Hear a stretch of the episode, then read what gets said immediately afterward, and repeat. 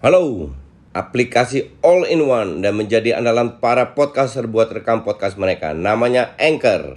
Kalian nggak perlu peralatan yang ribet kayak studio kalau mau rekaman. Semua bisa dari smartphone kalian menggunakan Anchor. Anchor bisa kalian download di App Store atau Play Store. Mudah banget kan? Di Anchor kalian nggak hanya bisa ngerekam audio, tapi kalian juga bisa ngedit langsung di sini. Bukan itu aja, Anchor juga dapat mendistribusikan konten kamu ke platform lain, contohnya Spotify, Apple Music, dan lain-lain. Keren kan? Satu aplikasi buat semua kebutuhan. Daripada kalian makin penasaran, mending langsung aja download Anchor sekarang. Oh ya, Anchor ini gratis loh.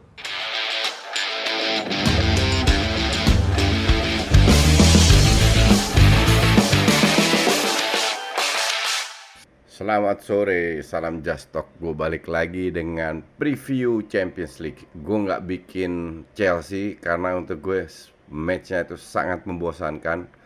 Menang dengan gol-golnya juga gol apa namanya jatuh dari langit, bukan sebuah set play yang indah. Tapi menurut fansnya yang penting menang ya silahkan bebas. Maka dari itu gue nggak bikin uh, review Chelsea, tapi gue bikin uh, preview Champions League ada dua match malam ini uh, besok juga dua match empat match. Yang gue bilang cukup seru. Kita mulai dari uh, malam ini yaitu Barca PSG itu yang paling seru. Um, apakah Barca punya peluang? Ya gue selalu bilang kalau Barca full team bisa menang lawan siapa pun. Bisa bukan pasti oke? Okay? tolong netizen jangan dipelintir netizen kardus yang tolol itu gue bilang bisa menang oke okay? um, kenapa karena pemain tengahnya itu sudah kompak dan setelah di awal-awal Barca bereksperimen dengan Frankie De Jong yang biasanya jadi DM sekarang berapa match terakhir jadi uh, attacking midfield di area kanan, Pedri di area kiri itu lebih berjalan sehingga serangan tidak terlalu tergantung oleh Griezmann ataupun Messi. Jadi feeling gue Griezmann, uh, Messi, Dembele di depan, tengah Pedri, Busquets dan uh, uh, Frankie De Jong. Nah belakangnya ini yang repot, Alba Alba pasti kiri, semoga Des di kanan. Nah di tengah kemungkinan sih kalau gue bilang semoga jangan Umtiti yang main tapi Minggesa at least Minggesa masih punya speed lah dan dia lebih nyaman di center back daripada back kanan. Nah, tandemnya siapa? Kalau bisa si Pique yang katanya mungkin Ronald Koeman akan mengambil keputusan hari ini apakah dia main atau tidak. Kalau enggak Longley. Karena Umtiti udah berkali-kali diberi kesempatan dan menunjukkan this level is just too high for him. Oke, okay? Nah, kita lihat PSG. PSG nggak ada Neymar di Maria. Di depan ada Icardi, Mbappe, Moisekin. Nggak jelek, sama sekali nggak jelek. Di belakangnya kira-kira Drexler, Verratti sudah bisa main lagi. Paredes sama Gueye yang main Uh, cuman orang selalu bahas Neymar, Neymar, Neymar. Mereka lupa bahwa center backnya itu ada Marquinhos sama Kim Pembe. One of the best center back duet di dunia. Jadi nggak gampang juga bisa ngegolin lawan mereka. Uh, kanan kemungkinan besar Kerrer, kiri nggak tahu. Bernard masih cedera kan, jadi Mitchell Baker mungkin.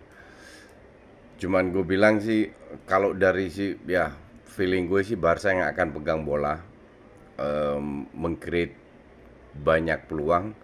Tapi ya kalau lu punya Mbappe Mbappe dari sayap kiri ketemu Des speednya oke okay, mungkin masih bisa ngelawan. Tapi Des itu defense-nya masih masih kurang bagus lah. Masih harus belajar banyak masalah defense. Attackingnya lumayan. Dan dia punya speed cuman ya gitu ujungnya adalah siapa yang cetak gol lebih banyak dia yang akan menang. Nah masalahnya jadi Barca kan dari sisi permainan itu cukup konsisten cukup bagus dan selalu create chances. Tapi ya kadang kalau Messi nggak on fire susah su, susah juga menang. Ataupun Griezmann. Sekarang untung Griezmann lagi on fire. Dan kalau Dembele nggak berjalan masih ada Trincao yang akhirnya on fire juga. Nah, semoga Frankie De Jong bisa cetak gol. Secara overall, gue tetap unggulkan Barca karena main di kandang sendiri dan harusnya selisih dua gol harusnya bisa menang. Cuman yang bahaya kan clean sheet. Ini yang susah untuk Barca. Kalau seandainya skor 2-1, 3-1, mereka bisa cetak satu gol. Itu yang membuat mereka punya peluang, punya harapan untuk di Paris bisa ngelawan lagi. Secara overall gue nggak tahu siapa yang lolos, tapi in this case main di Barca, feeling gue Barca yang menang. Oke, okay, terus uh, Red Bull lawan Liverpool. Nah, Liverpool ini lagi terperosok bahkan karena Chelsea tadi menang turun ke ranking 6. Gue mau ngenalin kalian aplikasi rekaman andalan gue, Anchor. Jadi Anchor ini aplikasi yang lengkap buat para podcaster. Kita bisa ngerekam, ngedit, tambah musik, efek, bahkan sampai upload ke platform lainnya. Semua bisa dari Anchor. Nah, aplikasi Anchor ini bisa kalian download di App Store atau Play Store dan juga di website di www.anchor.fm. One app that your podcast needs. Oh ya, Anchor ini gratis ya. Ini yang jadi masalah buat klub. Uh, mereka secara permainan sebenarnya nggak buruk-buruk amat. Cuman defense-nya yang buruk dan lagi buruk dan depannya susah cetak gol. That is the problem dengan Chelsea. Makanya mereka sampai di kandang yang angker itu tiga kali beruntun kalah itu bukan kebetulan. Kemarin lawan Leicester babak pertama everything under control. Cetak satu gol, everything under control. Sampai kebobolan, panik. Jebol lah kedua, ketiga dan layak jebol layak kalah. Ini yang harus ini yang menjadi masalah dengan klub. Cuman gue pikir kalau kualitas lu kayak kabak gitu mau gimana lagi? Henderson itu midfielder sama kayak Frankie De Jong main di center back. Nggak jelek tapi nggak bagus juga. Henderson pun demikian. Dia lebih nyaman lebih bagus punya visi sebagai midfielder. Melakukan distribusi bola. Kalau di belakang lebih sebagai defender tapi di sisi lain lu sebagai klub mau pasang siapa kabak ini udah dicoba. Nggak jelas juga masih muda mental ngedrop.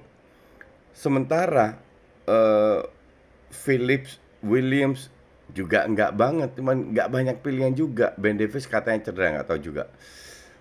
Sementara uh, Red Bull Leipzig di kandang itu MU satu babak itu diobok-obok babak kedua MU lebih ngelawan dan akhirnya nggak nggak lolos.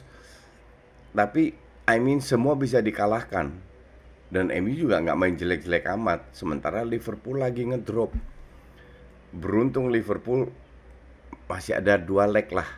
Gue nggak tahu siapa yang kembali lagi dan kapan apakah Jota bisa balik lagi atau enggak Thiago pun nggak dalam performa yang bagus. Klopp terlalu percaya kepada Curtis Jones. Gue nggak pernah lihat dia main bagus 15 menit pun nggak mending lu geser Wijnaldum ke depan Thiago ke depan, si Milner yang jadi masalah Milner cedera juga. Jadi siapa yang dipasang ini nggak ngerti juga. Ya kemungkinan besar sih feeling gue Wijnaldum. Jadi Shakiri bisa kalau gue bilang masih mending Shakiri daripada Curtis Jones walaupun Shakiri juga membuktikan dia nggak punya kontribusi banyak tapi ya lu harus pasang orang kan uh, jadi gue gue sedikit unggulkan Red Bull kalau seandainya Red Bull menang besar ya selesai Liverpool. Apalagi Ellison yang sebelum-sebelumnya selalu main bagus, menyelamatkan, memenangkan banyak poin, sekarang lagi drop. Ya kita nggak tahu ini ini murni masalah non teknis. Kalau pemain depannya lebih pede, lebih mungkin butuh keberuntungan sedikit bisa cetak satu dua gol walaupun kalah minimal masih ada harapan tapi kalau seandainya depan nggak bisa cetak gol, percaya diri itu langsung ngedrop menurun dan itu yang sulit dibangkitkan untuk bahkan untuk pelatih level klub. Um, jadi gue bilang ya ini match berat. Gue tetap un unggulkan Red Bull. Terus hari hari Rabu itu Porto Juve. Juve pun lagi nggak jelas. Si uh, Pirlo lagi seneng turun mainkan Rabiot sama Betangkur di tengah dan performanya lawan Inter di FA bagus tapi dua kali kalah dengan pemain itu juga dengan lini tengah lini tengah ini sangat krusial karena dengan direct playnya Juve dengan Ronaldo Morata di depan ini butuh pendukung yang kuat. Dan ya gue nggak tahu. Kalau lawan Porto sih Porto ini kan walaupun main di kandang cenderung cenderung ya. Gue nggak tahu apa kapan terjadi. Cenderung bertahan. Dan mereka cetak satu gol parkir bis. Mereka udah sering cetak sering juga menang lawan Juve. Um, Juve ya Juve ini punya mental juara. They can kill the game they can win the game pada saat tertekan hanya kembali lagi kalau gue bilang lini tengahnya ini jadi masalah. Mau pasang Ramsey, mau pasang satu DM, mau pasang Arthur, nggak banyak pilihan juga. Yang jadi masalah kan terlalu banyak pemain mediocre. Kalau sayap masih oke okay lah, Benadeski, Chiesa masih banyak yang bisa dipasang lah. Cuadrado lah terserah mau main 3 back atau 4 back. Uh, hanya kalau apa namanya gue bilang jadi masalah ya bench yang nggak bagus lini tengah juga nggak bagus. Banyak pemain cuman nggak ada yang yang selevel. Tapi ya mungkin yang bisa membuat Juve lolos itu fighting spirit dan mental juaranya. Justru yang seru next matchnya Sevilla Dortmund. Dortmund lagi nyungsep juga. Sevilla sementara cukup solid, solid. Barca kemarin dikalahkan 2-0 dan main bagus main di kandang sendiri dulu Walaupun punya Halan, Halan sendirian susah juga. Sementara center backnya itu cukup bagus di di di Sevilla. Yang namanya Sancho harga 120 kagak kelihatan sama sekali musim ini ya. Jadi mau ya nggak tahu Hakimi udah nggak di situ lagi, nggak tahu mau pasang siapa. Uh, Götze nggak ada, Royce juga sering cedera, nggak nggak nggak selalu perform juga belakangnya juga sering karatan Hummels sudah lewat masa-masanya. Ya gue sih nggak begitu impress dengan Dortmund. Mungkin dari sisi permainan not bad ya. Cuman tergantung performa lah. Kalau mereka lagi bagus kayak lawan Lazio kalau nggak salah itu di, dihajar diobok-obok. Tapi kalau kalau lagi jelek aduh ampun ampunan dah. Bener-bener nggak berjalan semua jadi in this case gue bilang Sevilla lebih punya peluang untuk lolos lebih besar daripada Dortmund. Oke, okay? kita tunggu previewnya. Thanks for watching.